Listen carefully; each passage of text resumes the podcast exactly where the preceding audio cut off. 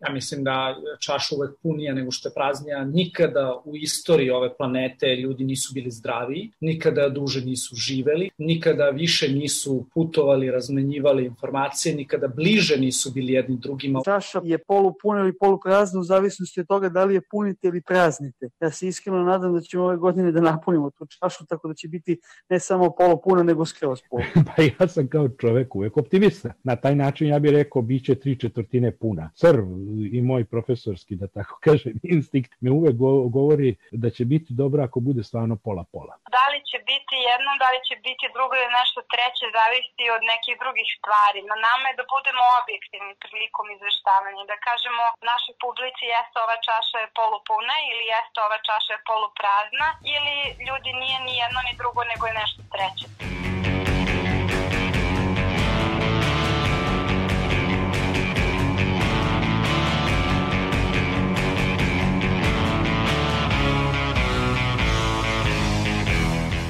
Slušate podcast Reaguj, nezavisnog društva novinara Vojvodine. Moje ime je Iva Gajić, na ovoj emisiji rade i Aleksandra Bučko, Nemanja Stevanović, Irena Čučković i Sanja Đorđević. O čemu ćemo pričati u ovoj epizodi? Možete li da predvidite? U prošloj epizodi govorili smo o onome što smo zajedno prošli, pandemiji i njenim posledicama, ali i građanskoj solidarnosti. U ovoj epizodi ne trudimo se da bacamo pasulj, već pitamo stručnjake šta nas očekuje u ovoj godini – o čemu će se najviše govoriti u medijima, šta će se promeniti na političkom i međunarodnom i domaćem planu, kao i kako će izgledati naša svakodnevnica. 2021. godina počela je nekim burnim dešavanjima u svetu. Pristalice Donalda Trumpa upale su 6. januara u zgradu Američkog kongresa u trenutku dok su njegovi članovi potvrđivali pobedu Joea Bidena na predsjedničkim izborima. Nakon ovog incidenta otvorena su brojna pitanja o demokratiji i sistemu u Sjedinjenim američkim državama državama. Politikolog i izvršni direktor Instituta za evropske poslove Naim Leo Beširi kaže da američka demokratija ne samo da nije u krizi, već zapravo pokazuje šta je demokratija. Ono što se dešava u Americi lekcija je većini zemalja u svetu koje pretenduju da sebe nazivaju demokratski. Naravno da u Sjedinim državama postoje ozbiljni problemi na kojima se na koje zapravo mnogi stručnjaci upozoravaju godinama od rasne nejednakosti, diskriminacije do položaja žena, klimatskih promena i ono kako postoji jedan uh, uzavreli unutrašnji dijalog, uh, politički dijalog unutar sami Sjedinjenih država. Um, to su ozbiljni problemi koje će Bidenova administracija naslediti um, i od njegove administracije njega lično se očekuje da će u naredne četiri godine davati pomirljive tonove i da će probati da, u, da smanji tu tenziju koju je Trump četiri godine vrlo uspešno um, podstrkivao. Ne samo na nasilje, već i na govor mržnje, na razne vrste netrpeljivosti, netrpeljivosti prema afroameričkoj zajednici, prema hispano zajednici i ženama kao jednoj, jednoj grupaciji. To su stvari koje će u Sjednjim državama morati da se srede ili bar da se krene u sređivanje tih izazova koje nisu od juče i nisu od Trumpa. Ti izazovi postoje još od trenutka kada je rasna segregacija ukinuta u Sjednjim državama i u pogotovo u određenim zajednicama, određenim saveznim državama, to je dosta, dosta vidljivo. Um, tako da se očekuju ti pozitiv, te pozitivne promene u Sjedinjenim državama će da direktno uticati na ostatak sveta.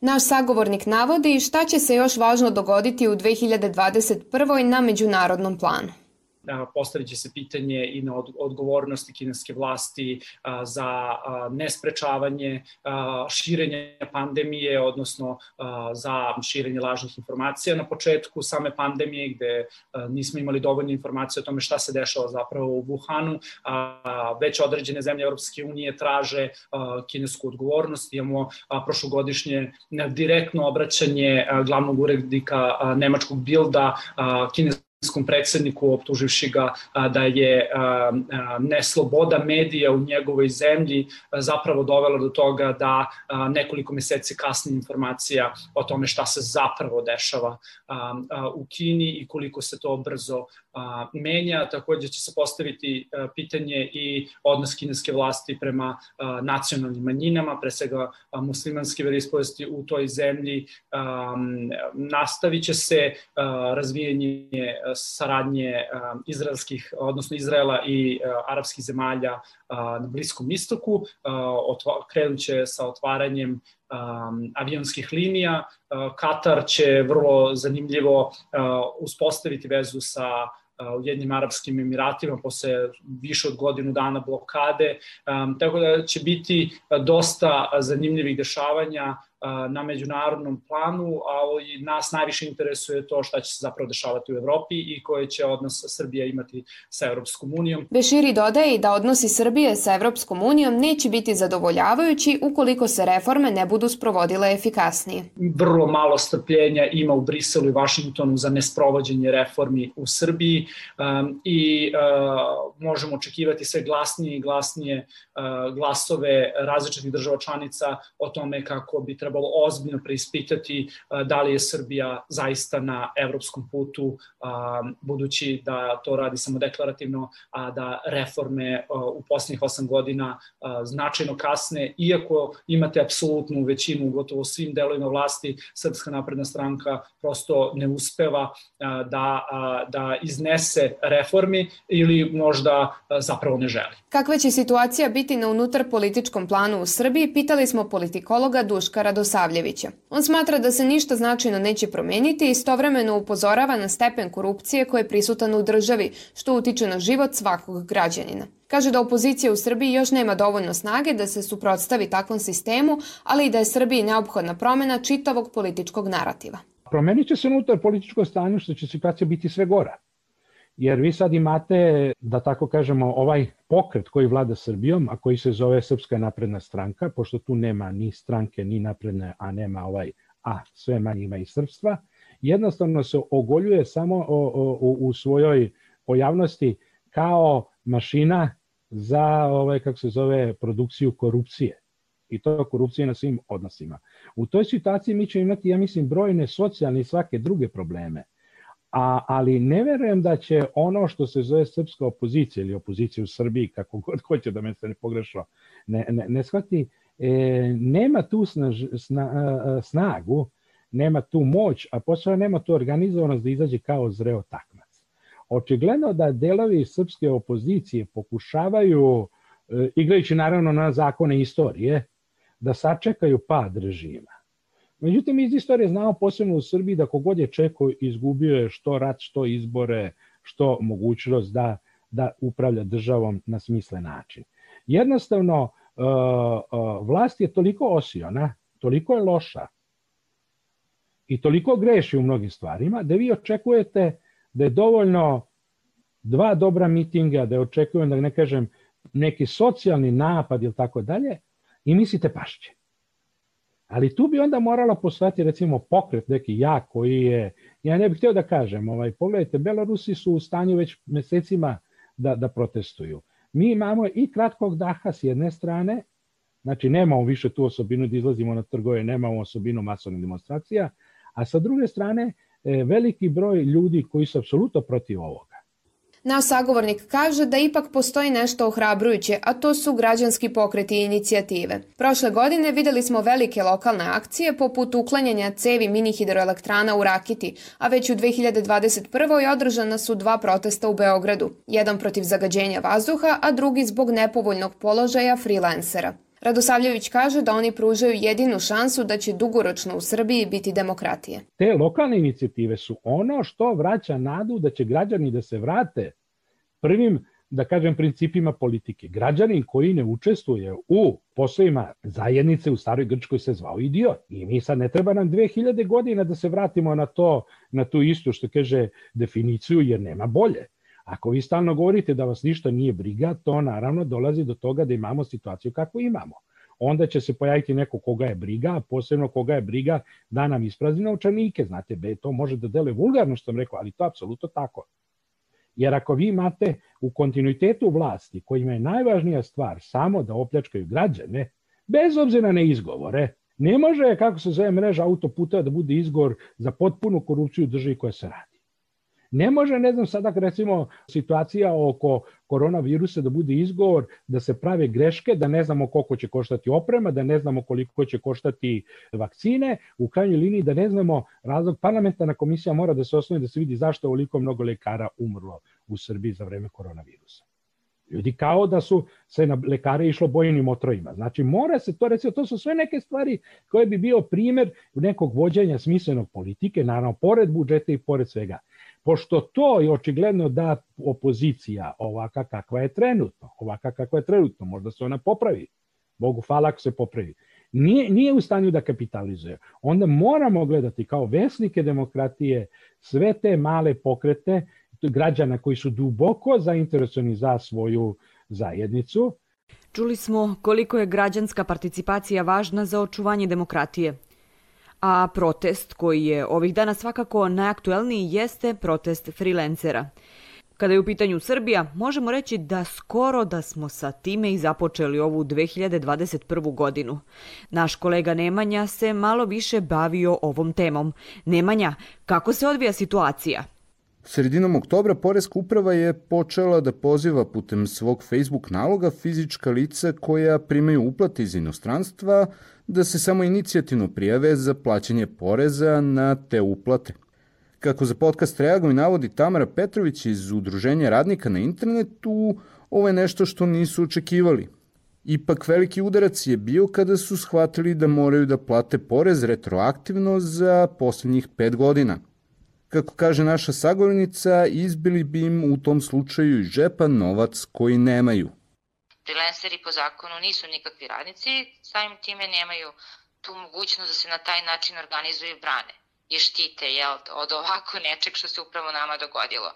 E, trebalo, dobili smo, ovaj, shvatili smo sami u stvari da Poreska uprava po tom nekom prastarom zakonu iz 2001 koji ne definiš ni na koji način freelancere ili radnike na internetu, već e, samo ovaj, pominje fizička lica koja prihoduju iz inostranstva. To može naravno da bude i na dinarski, na devizne račune, to što nije važno. I to mogu da budu i zaposleni i nezaposleni ljudi. To može zaista bude bilo ko. E, radi se o fizičkim licima. E, ali smo uspeli da se prepoznamo u tome zato što su već E, već smo saznali da su nekim ljudima još od juna ili jula počeli, da, počeli su da im stižu ti pozivi iz Poredske uprave i onda smo opet na društvenim mrežama videli da su neki ljudi to već dobili, znači i pre nego što je zvanično to Poreska uprava objavila da se mi sami prijavimo. Iako mnogi koji se ne slažu sa zahtevima freelancera, odnosno radnice i radnika na internetu, navode da oni ne žele da plate porez, Petrović navodi da je to u redu da se plati, ali ne i retroaktivno. Naročito u slučaju kad ih niko nikada nije obavestio da oni to moraju da urade. Mi ne možemo da platimo taj porez, sve i da želimo da ga platimo, mi taj novac nemamo, a ono što tabloidi ne pominju, a pominju svi drugi, a i mi, ovaj je da e, mi nismo znali to jest niko nije, ne da nije znao da, da treba freelanceri, odnosno radnici na internetu da plaćaju taj porez, jer nikad Poreska uprava nije nikome rekla da treba, nikad objavila, na jednom glasilu pozvala, objavila što je bilo njihova recimo trebalo da bude normalna praksa i za tu vrstu poreza jer objavljuju da sve neke druge poreze, čak vi imate i ono stigne vam opomena za porez za stan i tako dalje. Nikad, nikad Poreska uprava se nije oglašavala po tom, po tom pitanju. A ne samo to, već mnogi od nas, neki su bave ovakvim poslovima i mnogo više od 5-6 godina, neki su a, ovaj, neki kao poput mene izdržavaju porodice e, i to nam je jedin izvod prihoda, zato ove, smo svakako smo pitali i knjigovođe i poresku upravu. Ima već, pošto smo se organizovali ovu Facebook grupu, videli smo da su to hiljade ljudi koji su se raspitivali direktno kod poreskih inspektora koji imaju rodbinu koja, koja radi u Poreskoj. Poreska uprava i inspektori nisu neko mimo ove, neki poseban, neki svet koji živi na nekoj desetoj planeti, već su oni tu i pitali smo ih naravno i niko nikada nemamo taj podatak da je ikome rečeno da treba da plati bilo šta, bilo kada. A pogotovo im nije rečeno da treba da plate ovaj porez, odnosno ove namete, ove porez i doprinose koje od nas sada traže. Udruženi u Facebook grupu, a ubrzo i u formalno udruženje, freelanceri i freelancerke rešili su da svoje zahteve iskažu javno na velikom protestu. To su i učinili u subotu 16. januara. Iako u trenutku kada se broj slučajeva koronavirusa smanjuje, ali ne pada ispod hiljadu, freelanceri se nisu bojali da izađu i masovno traže od nadležnih da obustave retroaktivnu naplatu poreza. Pazite, kako Amerikanci imaju onu posledicu, ništa osim smrti poreza nije izvesno u životu, jel? Pa sad to ovaj, otprilike izjednačava jedno sa drugim. E, ta jel, izreka američka, ja mislim možda i grešim, čija je.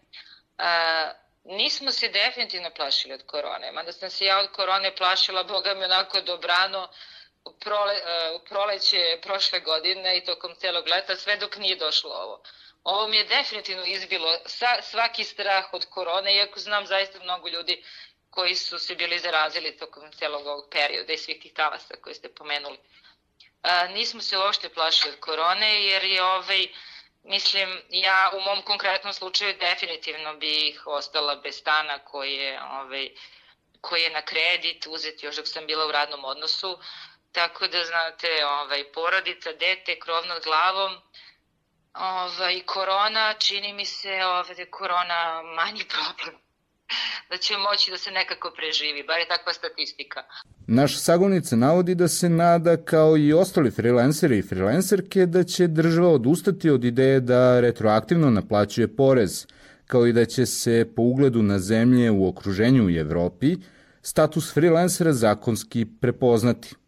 Dva dana nakon protesta, predstavnici Udruženja radnika na internetu započeli su pregovore sa predstavnicima države, a na svom Facebook nalogu objavili su da su dobili informaciju od Poreske uprave da neće naplaćivati poreze sve dok traju pregovori. Pandemija koronavirusa svakako nije gotova, što znači da ćemo i u ovoj godini nastaviti da pričamo o njoj, smatra novinarka Radio Slobodne Evrope Maja Živanović. Nju smo pitali šta će biti glavne teme u medijima u 2021. Ja mislim da će pandemija i dalje da zauzema najveći deo javnog prostora, bar kad je reč o medijima, jer čak i kada prođe pandemija, a negde smo čuli najavu stručnjaka i Svetske zdravstvene organizacije da ona neće proći ove godine, međutim, hajde da budemo i malo optimistični.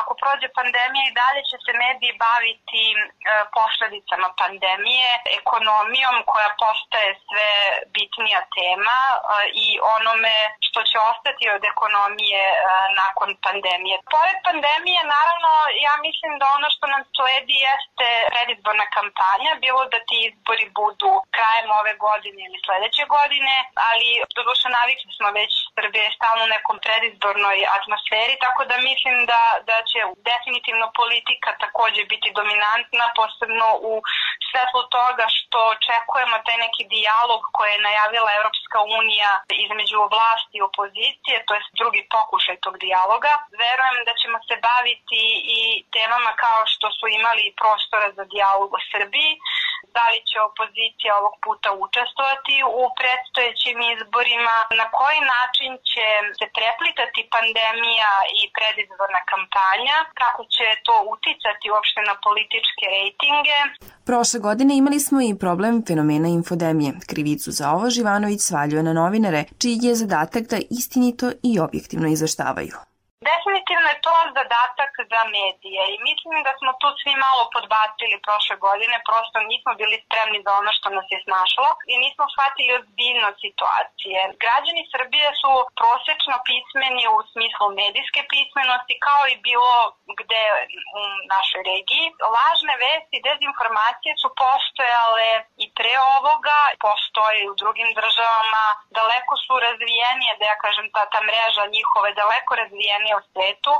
Jednostavno, pandemija je nešto što je njih sve ujedinilo i postalo je negde fokus. Tako da su brže isplivali na površinu i negde trebalo je mediji malo brže da reaguje. Međutim, moram da kažem da mi se jako svidala inicijativa na regionalnom nivou fact checkera, tako da mislim da negde nisu, nisu građani krivi, mislim da smo mi krivi i da bi trebalo mi malo više da se bavimo takozvanim debunkingom, odnosno razbijanjem tih lažnih vesti, da obraćamo malo više pažnju na lažne informacije koje obično preskačemo, sada bi trebalo da se držimo na svakoj od njih i da kažemo jasno u našim izveštajima ne, ovo nije tačno, evo zbog čega nije tačno, evo gde smo ovo našli, evo ko je to delio i evo svi argumenti koji govore prilog tome da je to lažna vest. A problemom lažnih vesti posebno su se bavili novinari fact-checkeri koji su prošle godine imali pune ruke posla.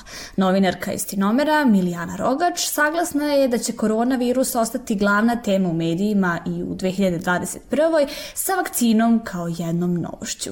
Međutim, teorije zavere koje su se pojavile u vezi sa virusom i pandemijom mogu uticati i na neke naše važne odluke, a samim tim i na naš život. Na primjer, e, stvari koje, koje se tiču eto, zdravlja ili, na primjer, lekova, pa eto i vakcina, to su neke stvari koje mogu da utiču na lične odluke i koje mogu da utiču na, na nečiji lični, lični život. Mislim, dešavalo se na početku, koliko se sećam, da, da se šire objave koje se tiču nekih e, čudotvornih lekova za koronu, pa onda uh, da li treba nositi maske ili ne, pa i, i tako dalje. Znači, to su neke stvari koje opet u, u takvom trenutku mogu da utiču i na nečiji, mislim, život, doslovno, doslovno na život, u trenucima kada, kada vlada epidemija. A da ne govorim generalno o temama koje se tiču, mislim, svih mogućih odluka oko jednog oko osobe kao, kao građanina. Dakle, mi imamo e, predstavnike vlasti, politički aktere, ali i stručnjake koji su nas protekle godine lagali, iznosili su neistine, manipulisali su podacima, a mi na osnovu svih tih podataka treba da donesemo neke odluke koje se tiču zajednice i ličnih života. A pritom e, nama dodatni problem je što nas uglavnom ignorišu, dakle ne uvek, ali uglavnom je to najčešći slučaj da naše pitanja ostaju bez odgovora i onda vi imate jednu, dakle, stvarni jedna simulacije stvarnosti na, na televiziji i u, u prorežimskim e, medijima, a sa druge strane imate nekoliko online portala koji um, debankuju te i proveravaju njihove činjenice, ali opet je mnogo dosek manji nego, nego svih tih popularnijih, da kažem, medija. Naša sagovornica kaže da je ono što se ove godine promenilo kod građana, a što je izuzetno važno, jeste poverenje u članove kriznog štaba. Na primjer, na početku uh, godine najviše poverenja imali su lekari i stručnjaci iz kriznog štaba, to je, to je čak i mislim danas bio objavio je neko od istraživanja javnog mnjenja. E, vola bi da vidim sada to istraživanje e, da li ima posledice ili ne, jer smo mogli svašta da čujemo od svih njih. Što se tiče predstavnika vlasti, oni se sve vreme prilagođavaju. Njihove izjave, na primjer, mnogo manje ima konkretnih obećanja nego ranijih godina. Prosto prilagođavaju svoje izjave e, novim, da kažem, medijima. S druge strane, e, mnogo koriste onako uopštenije, e, uopštenije pojmove i izjave onako, u kontekstu istorije. Na istorijski uspesi, nikada veće plate, nikada manja stopa nezaposlenosti i tako dalje, rekordi, stano su tako neke, neka poređenja. To očigledno prolazi kod određenog broja ljudi, mislim, ali kažem koliko, ne znam, ne znam ja sama. Mislim, to, mi smo tu da ukažemo, da zabeležimo, da proverimo, pa sad i jedna od dobrih stvari je prošle godine koja se pokazala zapravo da istinomerno, na primjer, raste iz meseca u mesec broj čitalaca, jer očigledno u ovakvim nekim okolnostima koje su toliko krizne, da ljudi ipak žele neku proverenu informaciju da čuju, pogotovo kad su bitne stvari kao što na primjer, zdravlje. Za mnoge građane na globalnom nivou, tako i lekara pulmologa Srđana Lukića, koji trenutno radi u opštoj bolnici u Izoli u Sloveniji, 2021. godinu obeležit će početak masovne vakcinacije protiv covid -a. To je prvi korak ka povratku normalnom životu. Budući da je počela vakcinacija širom sveta, nažalost u većem obimu samo u bogatim zemljama, u siromašnim za sada ne, Očekuje se da u tim zemljama u kojima bude veći obuhvat vakcinacije, epidemija e, izgubi na tom svom zamahu. E, kako se bude ta vakcinacija širila, očekujem da i epidemija bude opadala i da će se život polako vraćati u normalu. Sad naravno tu ima uvek mnogo nepoznatih faktora koje ne možemo unapred da predvidimo, ali generalno kako god svakako ta epidemija neće biti ono što smo imali u 2020. godini. Upitan na dilemu primiti vakcinu ili ne, koju mnogi ljudi imaju, Lukić odgovara da je ta dilema razrešena još u 19. 20. veku. Jer upravo zbog vakcina koje su razvijene i koje smo primali, živeli smo život koji poznajemo, naravno pre dolaska pandemije virusa korone.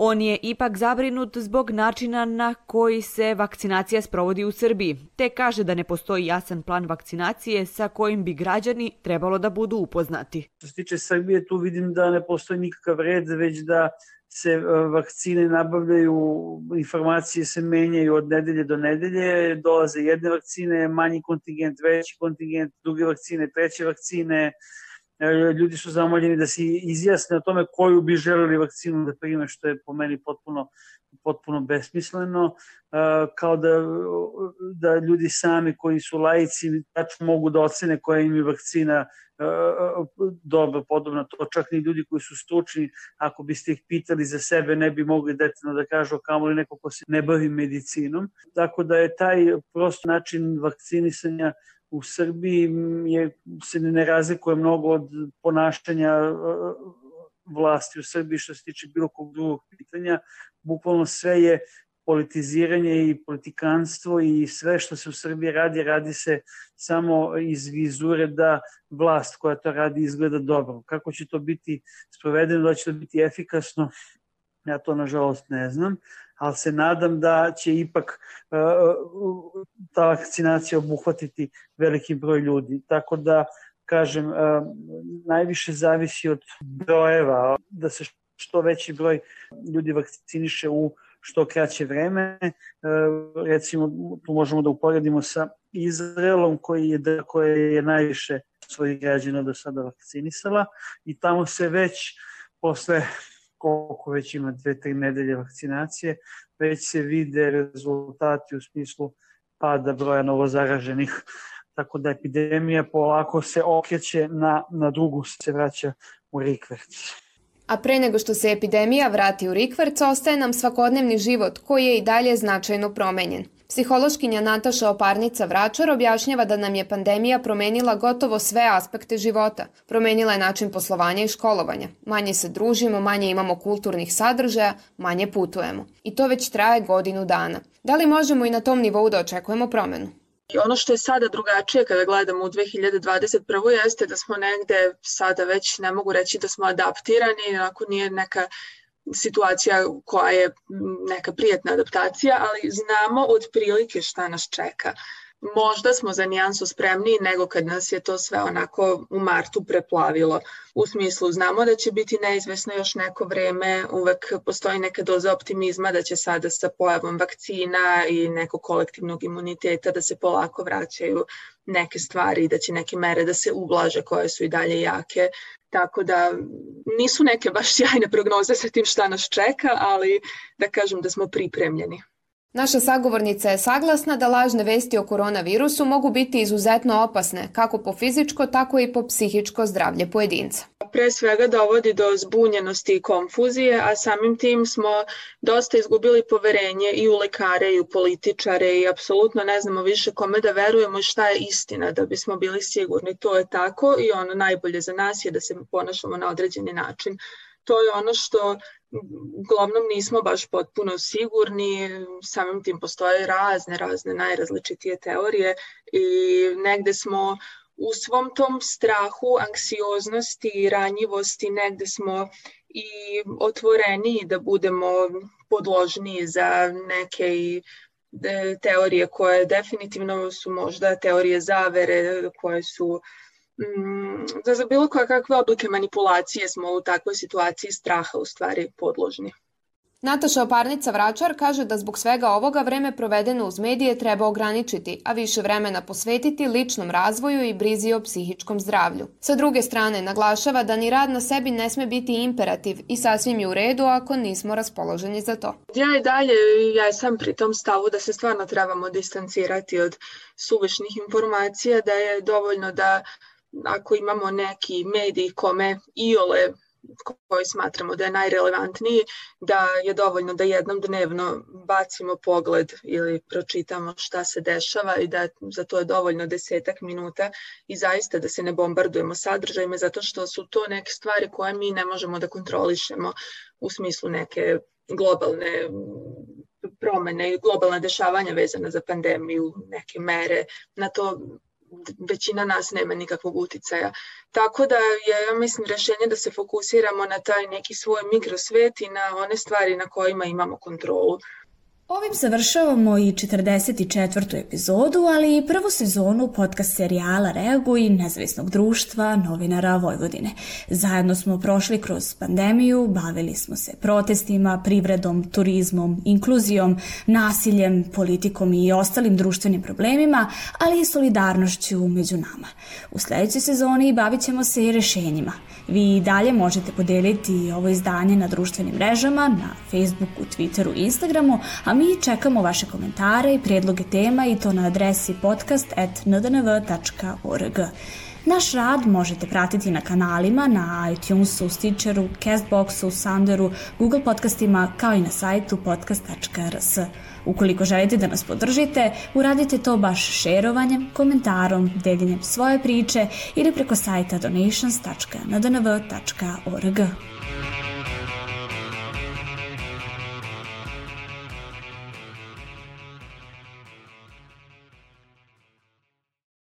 Ova epizoda podcasta Reaguj nastala je u okviru projekta Promocija medijske i informacijske pismenosti i jačanje nezavisnih medija na Zapadnom Balkanu koji sprovodi Novosadska novinarska škola uz podršku ambasade Velike Britanije u Beogradu. Stavovi iskazani u podcastu ne odražavaju nužno i stavove vlade Velike Britanije.